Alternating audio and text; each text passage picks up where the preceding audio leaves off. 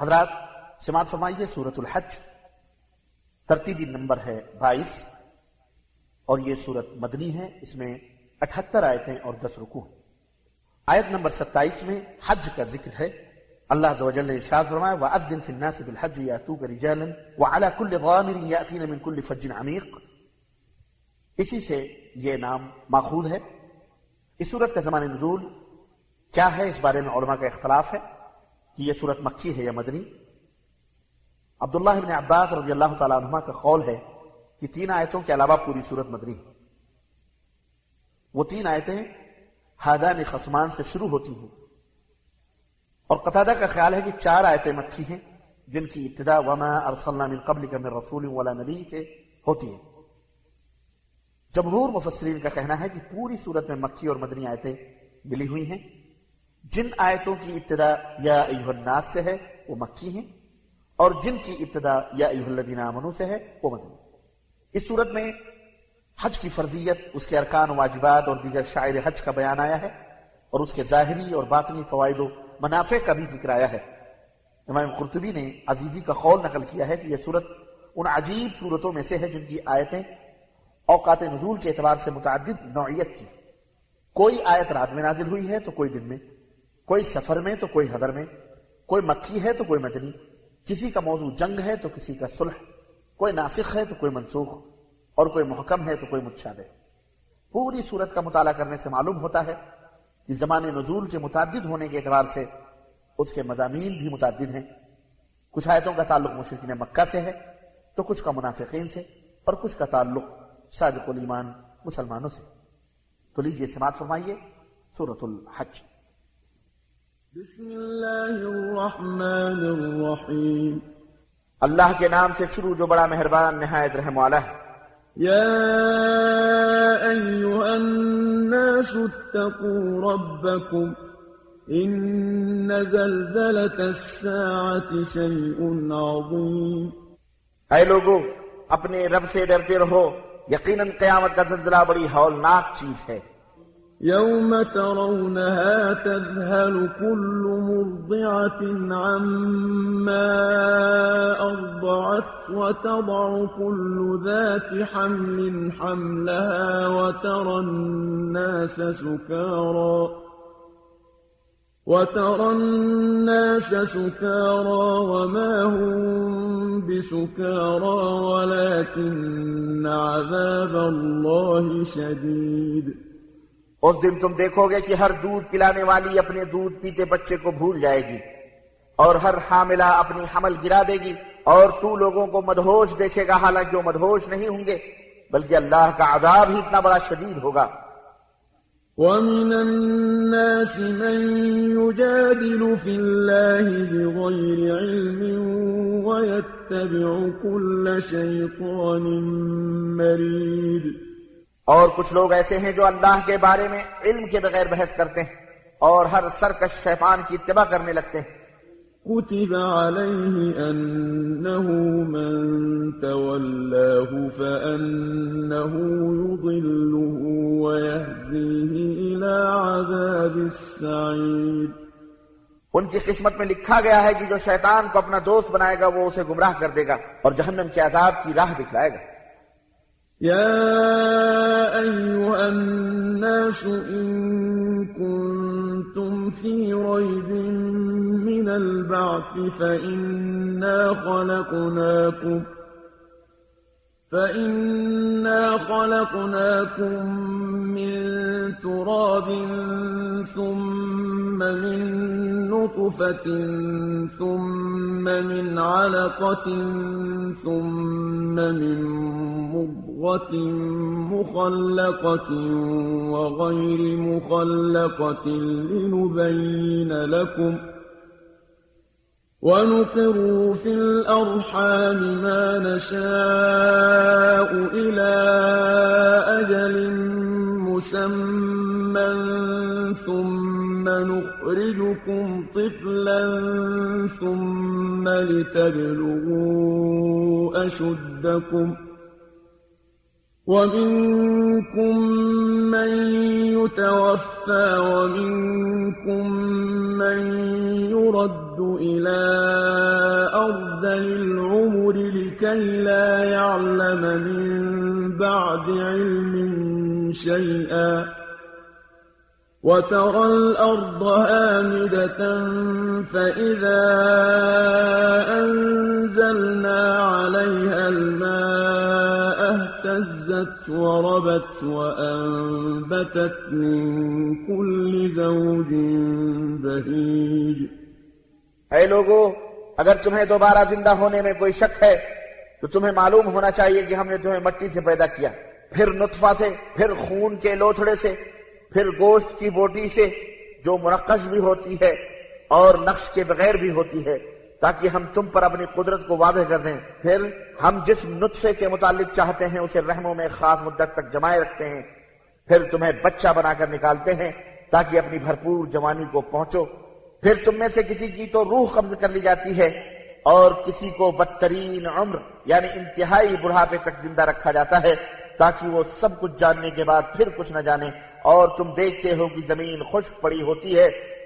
پھر جب ہم نے اس پر میہ برسایا تو وہ حرکت میں آئی اور پھول گئی اور ہر قسم کی پربہار چیزیں اگانا شروع کر دی ذلك بأن الله هو الحق وأنه يحيي الموتى وأنه على كل شيء قدير۔ یہ سب کچھ اس لیے ہوتا ہے کہ اللہ ہی حق ہے۔ وہی مردوں کو زندہ کرتا ہے اور وہ ہر چیز پر قادر وأن الساعة آتية لا ريب فيها وأن الله يبعث من في القبور۔ اور قیامت یقیناً آنے والی ہے اس میں کوئی شک و شبہ نہیں۔ اور اللہ تعالیٰ ضرور ان لوگوں کو زندہ کر کے اٹھائے گا جو قبروں میں ہیں۔ ومن الناس من يجادل في الله بغير علم ولا هدى ولا كتاب منير. اور کچھ لوگ ایسے ہیں جو بغیر علم ہدایت اور روشنی بخشنے والی کتاب کے اللہ کے بارے میں بحث کرتے ہیں۔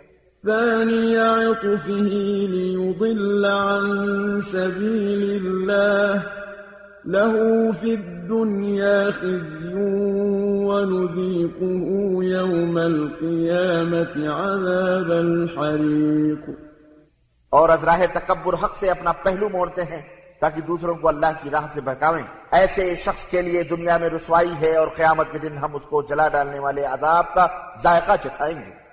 ذلك بما قدمت يداك وأن الله ليس بظلام للعبيد. یہ تیرے اپنے ہی اعمال کا بدلہ ہے جو تو نے آگے بھیجے ورنہ اللہ اپنے بندوں پر کبھی ظلم نہیں کرتا۔ ومن الناس من يعبد الله على حرف فإن أصابه خير اطمأن به. وإن أصابته فتنة انقلب على وجهه خسر الدنيا والآخرة ذلك هو الخسران المبين اور لوگوں میں کوئی ایسا بھی ہے جو کنارے پر کھڑا ہو کر اللہ کی عبادت کرتا ہے؟ اگر اسے کچھ فائدہ ہو تو اسلام سے مطمئن ہو جاتا ہے، اور اگر کوئی مصیبت پڑ جائے تو الٹا پھر جاتا ہے۔ ایسے شخص نے دنیا کا بھی نقصان اٹھایا۔ اور آخرت کا بھی یہی سریح خسارہ ہے۔ يدعو من دون الله ما لا يضره وما لا ينفعه ذلك هو الضلال البعيد وہ اللہ کے سوا اسے پکارتا ہے جو نہ اسے تکلیف پہنچا سکتا ہے اور نہ فائدہ دے سکتا ہے۔ یہ ہے گمرہی کی انتہا۔ يدعو لمن ضره أقرب من نفعه. لبئس المولى ولبئس العشير. وہ اس کو پکارتا ہے جس کا نقصان اس کے نفع سے زیادہ قریب ہے. بہت برا ہے اس کا مددگار اور بہت برا ہے اس کا رفیق. إن الله يدخل الذين آمنوا وعملوا الصالحات جنات تجري من تحتها الأنهار إن الله يفعل ما يريد بے شک جو لوگ ایمان لائے اور نیک کام کیے، یقیناً اللہ انہیں ایسے باغات میں داخل کرے گا جن میں نہریں بہ رہی ہیں۔ یقیناً اللہ جو چاہے وہی کرتا ہے۔ من كان يظن أن لن ينصره الله في الدنيا والآخرة فليمدد بسبب إلى السماء ثم ليقطع فلينظر ثم ليقطع فلينظر هل يذهبن كيده ما يغيظ۔ جو شخص خیال کرتا ہو کہ اللہ تعالیٰ دنیا اور آخرت میں اس کی مدد نہیں کرے گا اور دوسروں کی طرف رجوع کرے، اسے چاہیے کہ آسمان تک ایک رسی لٹکائے، پھر اسے کاٹ ڈالے اور دیکھے کہ کیا اس کی یہ تدبیر اس چیز کو دفع کر سکتی ہے جو اسے غصہ دلاتی ہے۔ وكذلك أنزلناه آيات بينات وأن الله يهدي من يريد۔ اور اسی طرح کی واضح آیات سے ہم نے قرآن کو نازل کیا ہے اور اللہ یقیناً ہدایت اسے ہی دیتا ہے جسے وہ چاہتا ہے۔ إن الذين آمنوا والذين هادوا والصابئين والنصارى والمجوس والذين أشركوا إن الله يفصل بينهم يوم القيامة إن الله على كل شيء شهيد بے شک جو لوگ ایمان لائے اور جو یہودی ہوئے، اور صابی اور عیسائی اور آتش پرست اور جو مشرک ہیں، اللہ تعالیٰ ان سب کے درمیان قیامت کے دن فیصلہ فرما دے گا، کیونکہ اللہ تعالیٰ ہر چیز پر حاضر و نادر ہے۔ ألم تر أن الله يسجد له من في السماوات ومن في الأرض والشمس والقمر والنجوم والجبال والشجر والنجوم والجبال والشجر والدواب وكثير من الناس وكثير حق عليه العذاب ومن يهن الله فما له من مكرم إن الله يفعل ما يشاء کیا تم دیکھتے نہیں کہ جو کچھ آسمانوں میں ہے اور جو کچھ زمین میں ہے اور سورج، چاند، ستارے، پہاڑ، درخت، چوپائے اور لوگوں کی ایک کثیر تعداد اللہ کے حضور سر بسجود رہتے ہیں؟ اور بہت سے لوگ ایسے بھی ہیں جو عذاب کے مستحق ہو چکے ہیں اور جسے اللہ ذلیل و خوار کرے، اسے کوئی عزت دینے والا نہیں۔ بے شک اللہ وہی کچھ کرتا ہے جو وہ چاہتا ہے۔ هذان خصمان اختصموا في ربهم، فالذين كفروا قطعت لهم ثياب من نار يصب من فوق رؤوسهم الحميم. یہ دو فریق ہیں جنہوں نے اپنے رب کے بارے میں جھگڑا کیا۔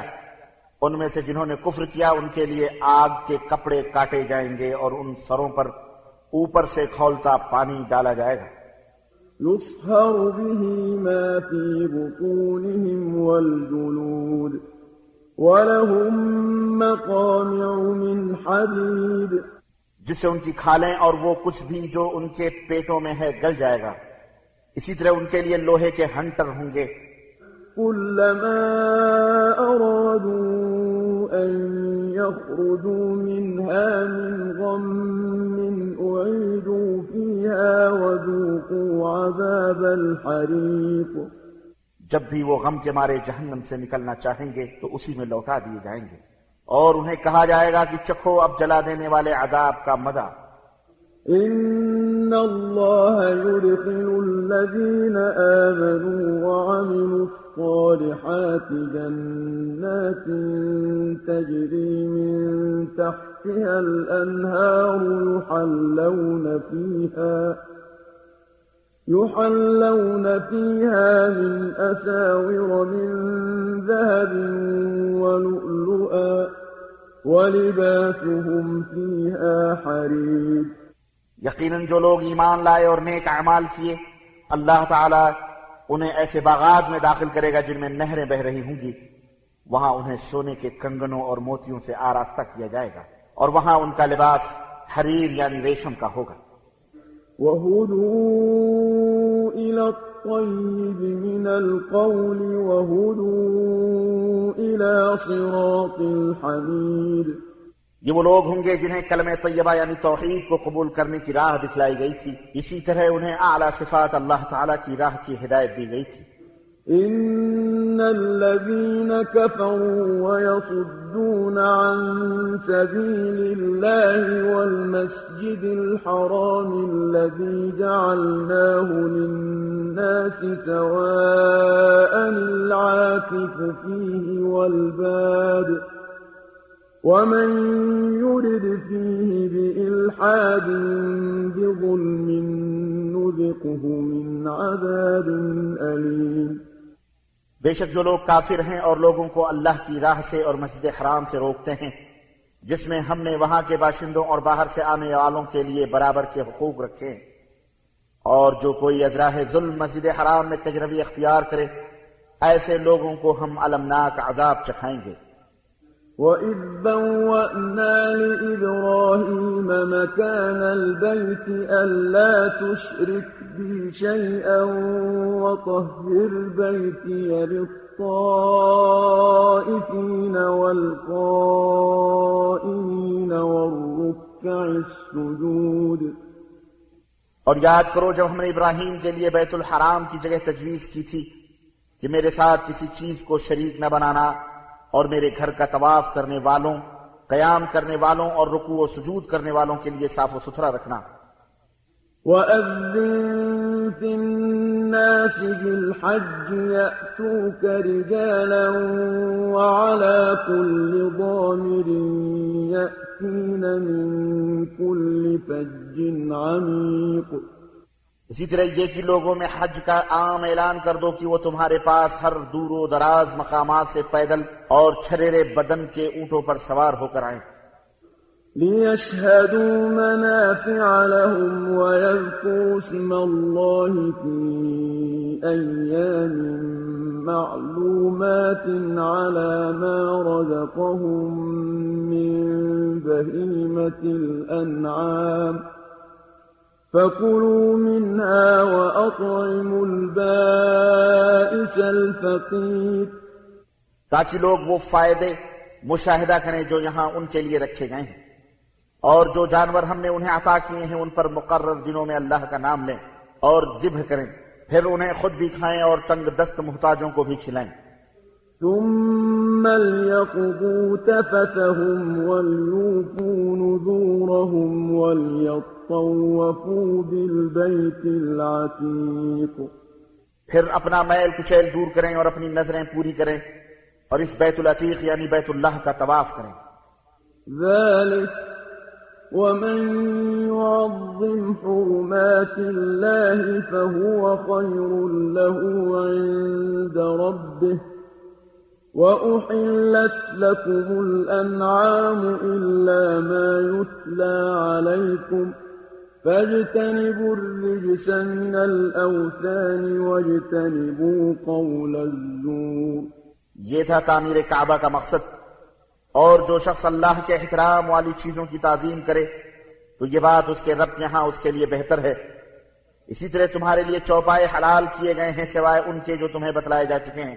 لہذا اسنام کی گندگی سے بچو اور فضول اور ٹیڑھی باتوں سے بھی۔ حنفاء لله غير مشركين به ومن يشرك بالله فكأنما خر من السماء فتخطفه الطير أو تهوي به الريح في مكان سحيق. اللہ کے لیے یکسو ہو جاؤ اور اس کے ساتھ کسی کو شریک نہ بناؤ۔ جس شخص نے اللہ کے ساتھ کسی کو شریک بنایا، تو وہ ایسے ہے جیسے آسمان سے گرے، پھر اسے پرندے اچک لیں۔ یا ہوا اسے کسی دور دراز مقام میں پھینک دے۔ ذلك ومن يعظم شعائر الله فإنها من تقوى القلوب۔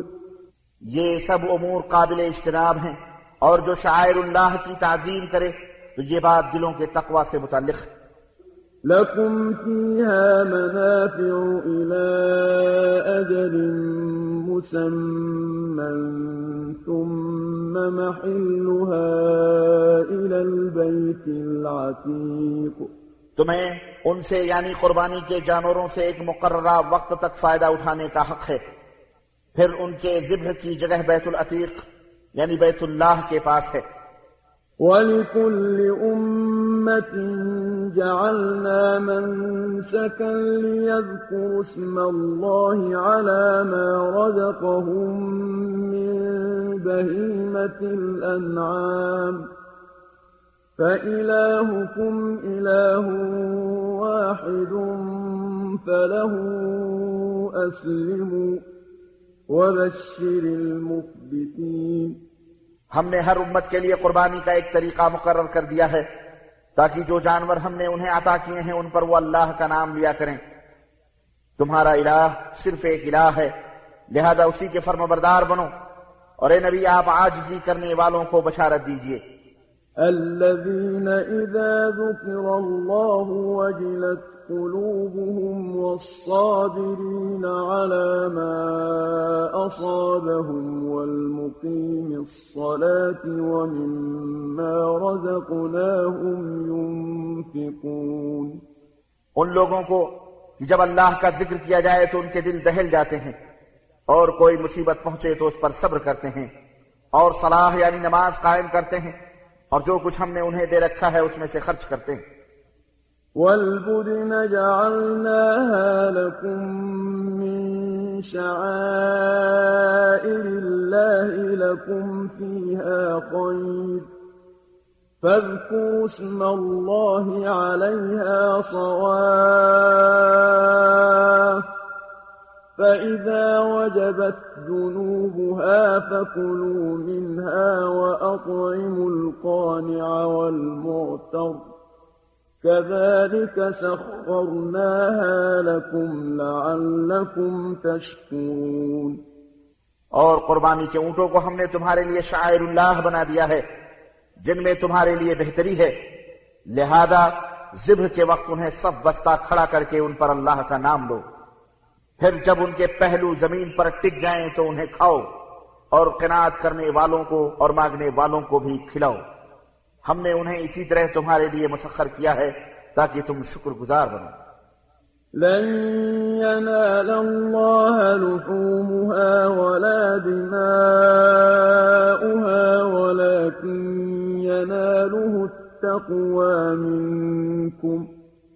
كذلك سخرها لكم لتكبروا الله على ما هداكم وبشر المحسنين. اللہ کو قربانی کے جانوروں کا نہ تو گوشت پہنچتا ہے اور نہ خون، بلکہ اسے تمہارا تقوی پہنچتا ہے۔ اسی طرح ہم نے انہیں تمہارے تابع کیا ہے تاکہ اللہ نے جو تمہیں راہ دکھلائی ہے، اس پر اس کی بڑائی بیان کرو۔ اور اے نبی آپ محسنین کو بشارت دے دیجیے۔ إن الله يدافع عن الذين آمنوا۔ إن الله لا يحب كل خوان كفور۔ یقیناً جو لوگ ایمان لائے اللہ ان کی طرف سے دشمنوں کی مدافعت کرتا ہے۔ یقیناً اللہ خائن اور ناشکرے کو پسند نہیں کرتا۔ أذن للذين يقاتلون بأنهم ظلموا وإن الله على نصرهم لقدير جن لوگوں سے لڑائی کی جاتی رہی ہے، انہیں لڑائی یعنی جہاد کی اجازت دی جاتی ہے، کیونکہ وہ مظلوم ہیں اور اللہ تعالی یقیناً ان کی مدد پر قادر ہے الذين أخرجوا من ديارهم بغير حق إلا أن يقولوا ربنا الله ولولا دفع الله الناس بعضهم ببعض لهدمت صوامع وبيع وصلوات ومساجد يذكر فيها اسم الله كثيرا. ولينصرن الله من ينصره. إن الله لقوي عزيز۔ جنہیں ان کے گھروں سے ناحق نکالا گیا، سوائے اس کے کہ وہ کہتے ہیں کہ ہمارا رب اللہ اور اگر اللہ تعالیٰ ایک دوسرے کے ذریعے لوگوں کی مدافعات نہ کرتا رہتا، تو خانقاہیں، گرجے عبادت گاہیں اور مساجد، جن میں اللہ کو کثرت سے یاد کیا جاتا رہا ہے، مسمار کر دی جاتی۔ اور اللہ ایسے لوگوں کی ضرور مدد کرتا ہے جو اس کے دین کی مدد کرتے ہیں۔ اللہ یقیناً بڑا طاقتور اور غالب.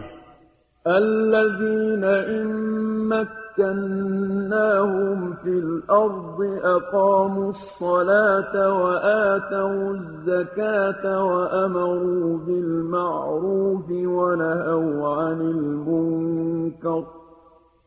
ولله عاقبة الأمور. یہ وہ ہیں کہ اگر ہم انہیں زمین میں اقتدار بخشیں تو سلاد یعنی نماز قائم کریں زکوٰۃ ادا کریں بھلے کاموں کا حکم دیں اور برے کاموں سے روکیں اور سب کاموں کا انجام تو اللہ کے ہاتھ میں ہے۔ وَإِن يُكَذِّبُوكَ فَقَدْ كَذَّبَتْ قَبْلَهُمْ قَوْمُ نُوحٍ وَعَادٌ وَثَمُودُ وَقَوْمُ إِبْرَاهِيمَ وَقَوْمُ لُوطٍ اور اے نبی اگر یہ لوگ آپ کو جھٹلاتے ہیں تو ان سے پہلے نوح کی قوم اور قوم عاد اور سمود بھی جھٹلا چکے ہیں۔ اسی طرح ابراہیم اور قوم لود بھی۔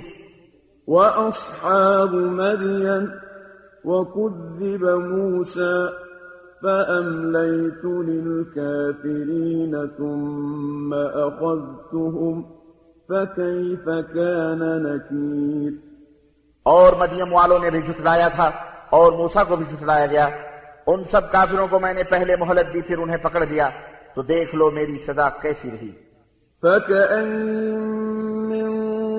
قرية أهلكناها وهي ظالمة فهي خاوية على عروشها فهي خاوية على عروشها وبئر معطلة وقصر مشيد کتنی ہی بستیاں ہیں جو خطا کار تھیں انہیں ہم نے ہلاک کر دیا۔ تو اب وہ اپنے چھتوں پر گری پڑی ہیں۔ ان کے کنویں بیکار اور پلستر شدہ محلات ویران پڑے ہیں۔ أفلم يسيروا في الأرض فتكون لهم قلوب يعقلون بها أو آذان يسمعون بها فإنها لا تعمى الأبصار ولكن تعمى القلوب التي في الصدور کیا یہ لوگ زمین میں چلے پھرے نہیں کہ ان کے دل ایسے ہو جاتے جو کچھ سمجھتے، سوچتے اور کان ایسے جن سے وہ کچھ سن سکتے؟ بات یہ ہے کہ آنکھیں اندھی نہیں ہوتی اندھے تو وہ دل ہو جاتے ہیں جو سینوں میں ہوتے ہیں۔ ويستعجلونك بالعذاب ولن يخلف الله وعده وإن يوما عند ربك كألف سنة مما تعدون یہ لوگ عذاب کے جلد آنے کا مطالبہ کرتے ہیں۔ حالانکہ اللہ کبھی اپنے وعدے کے خلاف نہیں کرتا، مگر تمہارے رب کا ایک دن تمہارے شمار کے حساب سے ہزار سال کا ہوتا ہے۔ وكأين من قرية أمليت لها وهي ظالمة ثم أخذتها وإلي المصير اور کتنی ہی بستیاں ہیں جو خطا کار تھیں میں نے پہلے انہیں مہلت دی، پھر انہیں پکڑ لیا اور انہیں واپس تو میرے ہی پاس آنا ہے۔ قل يا أيها الناس إنما أنا لكم نذير مبين میرے نبی ان سے فرما دیجئے کہ لوگو میں تو تمہارے لیے صاف ڈرانے والا ہوں فالذين آمنوا وعملوا الصالحات لهم مغفرة ورزق كريم سو جو لوگ ایمان لے آئے اور انہوں نے نیک عمل کیے ان کے لیے تو بخشش بھی ہے اور عزت کا رزق بھی۔ والذين سعوا في آياتنا معاجزين أولئك أصحاب الجحيم اور جو لوگ ہماری آیات کو نیچا دکھانے کی کوشش میں لگے ہوئے ہیں تو یہی لوگ اہل جہنم ہیں۔ وما أرسلنا من قبلك من رسول ولا نبي إلا إذا تمنى إلا إذا تمنى ألقى الشيطان في أمنيته فينسخ الله ما يلقي الشيطان ثم يحكم الله آياته. والله عليم حكيم. اور ہم نے آپ سے پہلے جو بھی رسول یا نبی بھیجا تو جب بھی وہ کوئی تمنا کرتا تو شیطان اس کی تمنا میں وسوسہ کی آمیزش کر دیتا. پھر اللہ تعالی شیطانی وسوسہ کی آمیزش کو دور کر دیتا. اور اپنی آیات کو محکم کر دیتا ہے اور اللہ سب کچھ جاننے والا اور حکمت والا ہے۔ ليجعل ما يلقي الشيطان فتنة للذين في قلوبهم مرض والقاسية قلوبهم وإن الظالمين لفي شقاق بعيد۔ تاکہ اللہ تعالیٰ شیطان کے ڈالے ہوئے وسوسے کو ان لوگوں کے لیے آزمائش بنا دے جن کے دلوں میں مرد ہے یعنی نفاق یا جو شقی القلب ہیں، اور یقیناً یہ ظالم مخالفت حق میں دور تک چلے گئے ہیں۔ وليعلم الذين أوتوا العلم أنه الحق من ربك فيؤمنوا به فتخبت له قلوبهم وإن الله لهادي الذين آمنوا إلى صراط مستقيم اور اس لیے کہ جن لوگوں کو علم دیا گیا ہے وہ جان لیں کہ یہ حق آپ کے رب کی طرف سے ہے اور وہ ایمان لائیں اور ان کے دل حق کے آگے جھک جائیں اور اللہ تعالی یقیناً ایمان لانے والوں کو سرات مستقیم دکھلا دیتا ہے۔ ولا يزال الذين كفروا في مرية منه حتى تأتيهم الساعة بغتة أو يأتيهم عذاب يوم عقيم. اور کافر تو ہمیشہ اس سے یعنی حق سے شک میں پڑے ہی رہیں گے، حتیٰ کہ ان پر یا تو ایک دم قیامت کی گھڑی آ پہنچے یا کسی منحوس دن کا عذاب ان پر نازل ہو۔ الملك يومئذ لله يحكم بينهم فالذين آمنوا وعملوا الصالحات في جنات النعيم اس دن حکومت اللہ ہی کی ہوگی، وہ ان کے درمیان فیصلہ کر دے گا۔ جو لوگ ایمان لائے اور نیک عمل کیے، وہ تو نعمتوں والے باغات میں ہوں گے۔ والذين كفروا وكذبوا بآياتنا فأولئك لهم عذاب مهين اور جنہوں نے کفر کیا اور ہماری آیات کو جھٹلایا، تو ایسے لوگوں کے لیے رسوا کرنے والا عذاب ہوگا۔ والذين هاجروا في سبيل الله ثم قتلوا أو ماتوا ليرزقنهم الله رزقا حسنا. وإن الله لهو خير الرازقين. اور جن لوگوں نے اللہ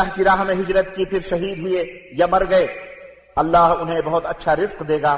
اور یقیناً اللہ ہی بہترین رازق ہے۔ لَيُدْخِلَنَّهُمْ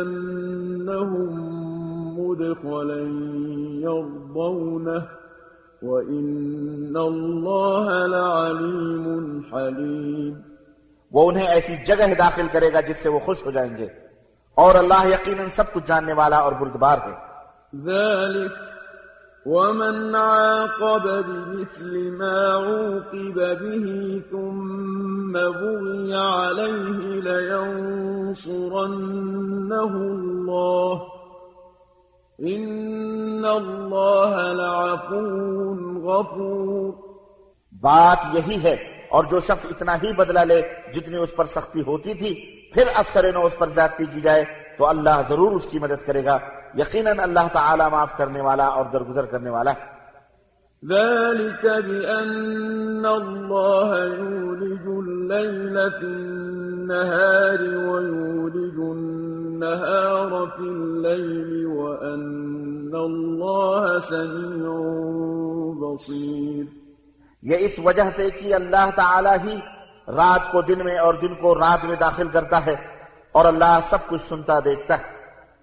ذلك بأن الله هو الحق وأن ما يدعون من دونه هو الباطل وأن الله هو العلي الكبير.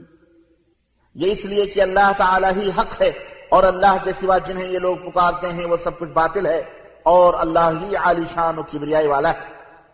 ألم تر أن الله أنزل من السماء ماء فتصبح الأرض مخضرة إن الله لطيف خبير کیا تم دیکھتے نہیں کہ اللہ تعالیٰ آسمان سے بارش برساتا ہے تو اس سے زمین سرسبز ہو جاتی یقیناً بڑا مہربان اور ہر چیز سے باخبر ہے۔ له ما في السماوات وما في الأرض، وإن الله لهو الغني الحميد. جو کچھ آسمانوں میں ہے اور جو کچھ زمین میں ہے، سب اسی کا ہے۔ بے شک اللہ تعالیٰ ہر ایک سے بے نیاز اور حمد کے لائق ہے ألم تر أن الله سخر لكم ما في الأرض والفلك تجري في البحر بأمره والفلك تجري في البحر بأمره ويمسك السماء أن تقع على الأرض إلا بإذنه إن الله بالناس لرؤوف رحيم کیا تم دیکھتے نہیں کہ جو کچھ زمین میں ہے وہ اللہ تعالیٰ نے تمہارے تابع فرما بنا دیا ہے؟ اور کشتی کو بھی جو اس کے حکم سے سمندر میں چلتی ہے، اور وہ آسمان کو یوں تھامے ہوئے ہے کہ اس کے اذن کے بغیر زمین پر گر ہی نہیں سکتا۔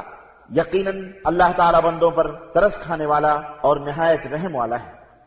وهو الذي أحياكم ثم يميتكم ثم يحييكم إن الإنسان لكفور وہی تو ہے جس نے تمہیں زندگی دی پھر مارتا ہے، پھر دوبارہ زندہ کرے گا اور در حقیقت انسان بڑا ہی منکر حق ہے۔ لكل أمة جعلنا منسكا، هم ناسكوه. فلا ينازعنك في الأمر، وادع إلى ربك، إنك لعلى هدى مستقيم. ہم نے ہر امت کے لیے عبادت کا ایک طریقہ مقرر کیا جس پر وہ چلتے ہیں۔ لہذا انہیں اس معاملے میں آپ سے جھگڑا نہیں کرنا چاہیے۔ آپ انہیں اپنے رب کی طرف دعوت دیں۔ یقیناً آپ صراط مستقیم پر ہیں۔ وَإِن جَادَلُوكَ فَقُلِ اللَّهُ أَعْلَمُ بِمَا تَعْمَلُونَ۔ اور اگر وہ آپ سے جھگڑا کریں تو کہہ دیجیے جو کچھ تم کر رہے ہو اللہ اسے خوب جانتا ہے۔ الله يحكم بينكم يوم القيامة فيما كنتم فيه تختلفون۔ اللہ ہی یوم قیامت تمہارے درمیان ان باتوں کا فیصلہ کرے گا جن میں تم اختلاف کر رہے ہو۔ ألم تعلم أن الله يعلم ما في السماء والأرض إن ذلك في كتاب إن ذلك على الله يسير۔ کیا تم جانتے نہیں کہ اللہ وہ سب کچھ جانتا ہے جو ارض و سماوات میں ہے؟ یقیناً یہ سب کچھ ایک کتاب لوح محفوظ میں درج ہے۔ اللہ کے لیے یہ بات بالکل آسان ہے۔ وَيَعْبُدُونَ مِن دُونِ اللَّهِ مَا لَمْ يُنَزِّلْ بِهِ سُلْطَانًا وَمَا لَيْسَ لَهُمْ بِهِ عِلْمٍ وَمَا لِلظَّالِمِينَ مِن نَصِيرٍ اور یہ لوگ اللہ کے علاوہ ان کی عبادت کرتے ہیں جن کے لیے اللہ نے نہ کوئی دلیل اتاری ہے اور نہ ہی خود انہیں کچھ علم، ان ظالموں کا کوئی بھی مددگار نہیں ہوگا۔ وَإِذَا تُتْلَى عَلَيْهِمْ آيَاتُنَا بَيِّنَاتٍ تَعْرِفُ فِي وُجُوهِ الَّذِينَ كَفَرُوا الْمُنكَرَ يكادون يسقون بالذين يتلون عليهم آياتنا قل أفأنبئكم بشر من ذلكم النار وعدها الله الذين كفروا وبئس المصير اور جب ان پر ہماری آیات پڑھی جاتی ہیں تو آپ ان کے چہروں پر ناگواری کے آثار دیکھتے ہیں۔ ایسا معلوم ہوتا ہے کہ ابھی وہ ان لوگوں پر چھپٹ پڑیں گے جو انہیں ہماری آیات سناتے ہیں۔ آپ ان سے کہہ دیجیے، میں آپ کو بتاؤں اس سے بدتر چیز کیا ہے۔ آگ جس کا اللہ نے کافروں سے وعدہ کر رکھا ہے اور وہ بہت برا ٹھکانہ ہے۔ يا أيها الناس ضرب مثل فاستمعوا له إن الذين تدعون من دون الله لن يخلقوا ذبابا ولو اجتمعوا له وإن يسلبهم الذباب شيئا لا يستنقذوه منه ضعف الطالب والمطلوب. اے لوگو تم سے ایک مثال بیان کی جاتی ہے، اسے ذرا غور سے سنو۔ جن لوگوں کو تم اللہ کے سوا پکارتے ہو، وہ اگر سارے اکٹھے بھی ہو جائیں تو ایک مکھی بھی پیدا نہیں کر سکتے۔ اور اگر مکھی ان سے کوئی چیز چھین لے جائے تو اسے چھڑا بھی نہیں سکتے۔ وہ چاہنے والا بھی ضعیف یعنی کمزور، اور جس سے مدد طلب کی جا رہی ہے وہ بھی ضعیف یعنی کمزور۔ ما قدر الله حق قدره۔ ان اللہ لقوی عزیز ان لوگوں نے اللہ کی قدر پہچانی ہی نہیں جیسا کہ پہچاننا چاہیے تھی۔ اللہ تعالی بڑا طاقتور ہر چیز پر غالب۔ الله يصطفي من الملائكة رسلا ومن الناس۔ إن الله سميع بصير اللہ پیغام رسانی کے لیے فرشتوں میں سے بھی رسول چن لیتا ہے اور لوگوں میں سے بھی۔ بے شک اللہ سب کچھ سننے والا دیکھنے والا ہے۔ يعلم ما بين أيديهم وما خلفهم وإلى الله ترجع الأمور وہ جانتا ہے جو کچھ ان کے سامنے ہے اور اسے بھی جو ان سے اوجھل ہے اور تمام معاملات اللہ کی طرف ہی لوٹائے جاتے ہیں۔ يا أيها الذين آمنوا اركعوا واسجدوا واعبدوا ربكم وافعلوا الخير لعلكم تفلحون. اے لوگو جو ایمان لائے ہو رکوع کرو اور سجدہ کرو اور اپنے رب کی عبادت کرو اور نیک کام کرو تاکہ تم کامیاب ہو سکو۔ وجاهدوا في الله حق جهاده. هو اجتباكم وما جعل عليكم في الدين من حرج. ملة أبيكم إبراهيم. هو سماكم المسلمين من قبل وفي هذا ليكون الرسول شهيدا عليكم وتكونوا شهداء على الناس. فأقيموا الصلاة وآتوا الزكاة واعتصموا بالله هو مولاكم ۖ. فنعم المولى ونعم النصير. اور اللہ کی راہ میں جہاد کرو، جیسا کہ جہاد کرنے کا حق ہے، اس نے تمہیں اپنے دین کے لیے چن لیا ہے، اور دین میں تم پر کوئی تنگی نہیں رکھی۔ یہ تمہارے باپ ابراہیم کا دین ہے۔ اللہ نے اس سے پہلے بھی تمہارا نام مسلم رکھا تھا، اور اس قرآن میں بھی مسلم ہی رکھا ہے، تاکہ رسول تم پر گواہ ہو اور تم لوگوں پر گواہ ہو۔ لہذا صلاح یعنی نماز قائم کرو اور زکات ادا کرو۔ اور اللہ کے دین کو مضبوطی سے تھامے رکھو، وہی تمہارا کارساز ہے۔ وہ کیسا اچھا کارساز اور کیسا اچھا مددگار ہے۔